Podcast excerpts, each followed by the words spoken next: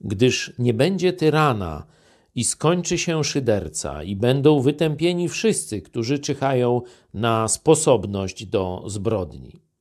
Niestety nie jest to jeszcze opis e, Putina i jego siepaczy, którzy mordują niewinnych ludzi w Ukrainie, ale jest to opis Bożego planu, czyli też woli Boga, tego, czego Bóg chce i tego, czego nie chce. Na pewno nie chce zbrodniczych tyranów i w końcu unicestwi wszelkie tego typu działania. Możemy na dzisiaj mieć pewność, że Bóg stoi po stronie tych, którzy walczą z tyranami, tych, którzy walczą z szydercami. Tu szydercy Myślę, że to jest najlepszy odpowiednik kłamliwej propagandy, e, w której no, Rosja jest mistrzem, e, i że tych, którzy czyhają na okazję do zbrodni.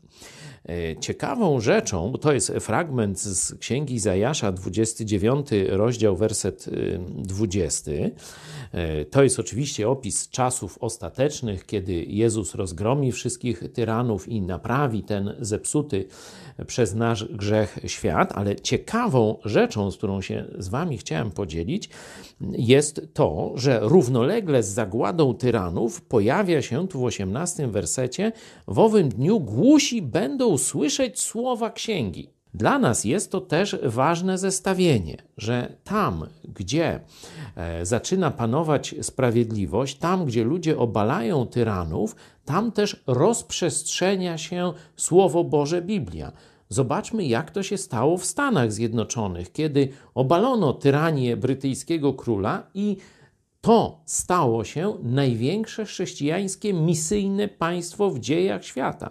Mam nadzieję, jestem o tym głęboko przekonany, że pokonanie dzisiaj Putina da owoc w postaci ewangelizacyjnego nasycenia dawnego imperium sowieckiego.